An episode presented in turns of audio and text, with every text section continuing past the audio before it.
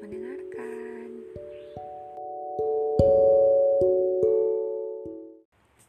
Di episode kali ini, aku bakal ngebahas tentang toxic relationship. Tapi, aku kasih judulnya toxic relakan lah. Kenapa? Ya karena udah toxic cuy. Kenapa harus dipertahanin sih? Ya udah lah ya, relain aja hubungannya tuh selesai gitu. Toxic relationship ini topik yang familiar banget gak sih buat semua orang? Karena aku ngerasa ya, hampir semua orang tuh pernah terjebak di hubungan toksik ini. Termasuk aku. Oke oke. Seperti biasa kita mulai bahas dari definisinya dulu ya. Menurut aku toxic relationship itu hubungan yang ya toxic. Hubungan yang beracun gitu ya kan yang bikin gak nyaman yang bikin sakit hati mulu. Sumpah ya, toxic relationship itu kayak aduh kok tiap hari sakit hati mulu ya. Ya kita tuh lagi terjebak di hubungan nih tujuannya emang buat nyakitin diri sendiri dan juga orang lain yaitu pasangan kita. Nah kasus hubungan yang toksik ini banyak banget sih macemnya. Mulai dari hubungan yang dikit-dikit berantem bahkan hal yang diberantemin itu hal yang sepele. Misalnya si cewek minta ditemenin telepon tapi cowoknya nggak mau. Terus akhirnya berantem lah. Kayak akhirnya mikir gak sih itu hubungan? Apa arena tinju? Kok ribut mulu ya kan? Terus hubungan yang dilandasin kepercayaan tapi malah dipenuhi kecurigaan. Misalnya pasangannya ini lama balas chat terus di situ dicurigain lah dituduh lagi chattingan sama selingkuhan lah atau apalah. Gini loh ya kalau kalian emang gak percaya sama pasangan kalian ya kenapa harus bertahan di hubungan itu? Ya buat apa gitu loh.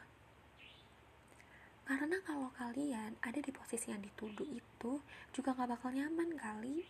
Kalau terus-terusan dicurigain dituduh yang enggak-enggak apalagi ditambah hobi banget yang dikit-dikit minta putus kalau berantem. Eh tapi malah pasangan yang satunya ngancem balik. Kalau diputusin dia bakal bunuh diri lah.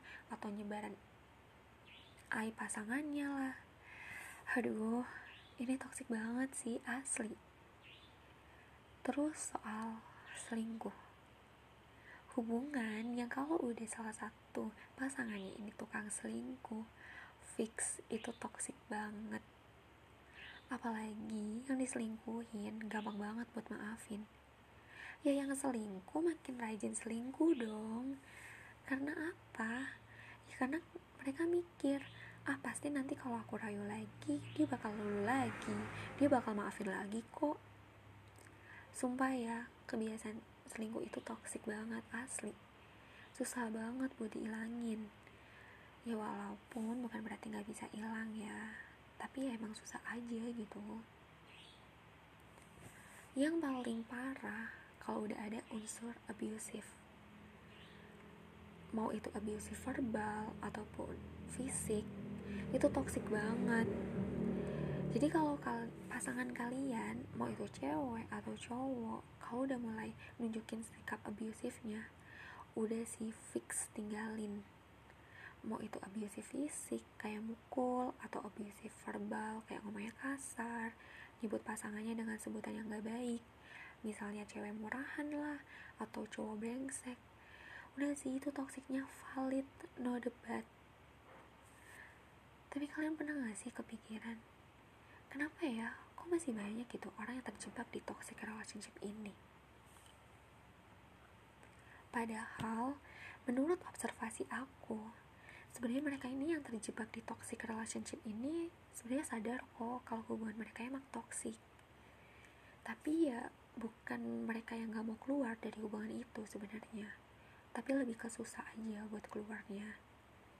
Jadi gini aku punya dua alasan kenapa masih banyak orang yang terjebak di toxic relationship. Yang pertama adalah karena masih sayang. Ini valid no debat kayak udah susah aja gitu kalau alasannya tuh emang masih sayang. Apalagi kalau ditambah bucin. Aduh udah susah banget buat nyudahin hubungannya. Ya karena kalau urusan hati emang udah gak logis sih. Yang kedua adalah lamanya hubungan. Ini tuh jadi pertimbangan paling berat buat nyudahin hubungan. Sekalipun hubungannya nggak toksik ya tapi kalau hubungannya udah bertahun-tahun udah banyak momen bareng susah senang bareng terus udah males buat mulai hubungan baru mulai dari fase kenalan PDKT lagi ya ujungnya milih bertahan aja di toxic relationship itu. Tapi aku mau kasih saran deh buat kalian yang masih sampai saat ini terjebak di toxic relationship apa pun alasan alasan kalian bertahan kalau emang udah gak nyaman segera diudahin ya hubungannya. Karena ya buat apa sih punya hubungan yang tujuannya emang cuma buat nyakitin diri sendiri? Aku tahu kok susah banget buat keluar dari toxic relationship itu. Butuh keberanian yang besar. Tapi ya bukan hal yang mustahil buat dilakuin kok. Dan buat kalian yang berhasil keluar dari toxic relationship selamat ya kalian hebat. Dan kalian semuanya perlu ingat bahwa you deserve better guys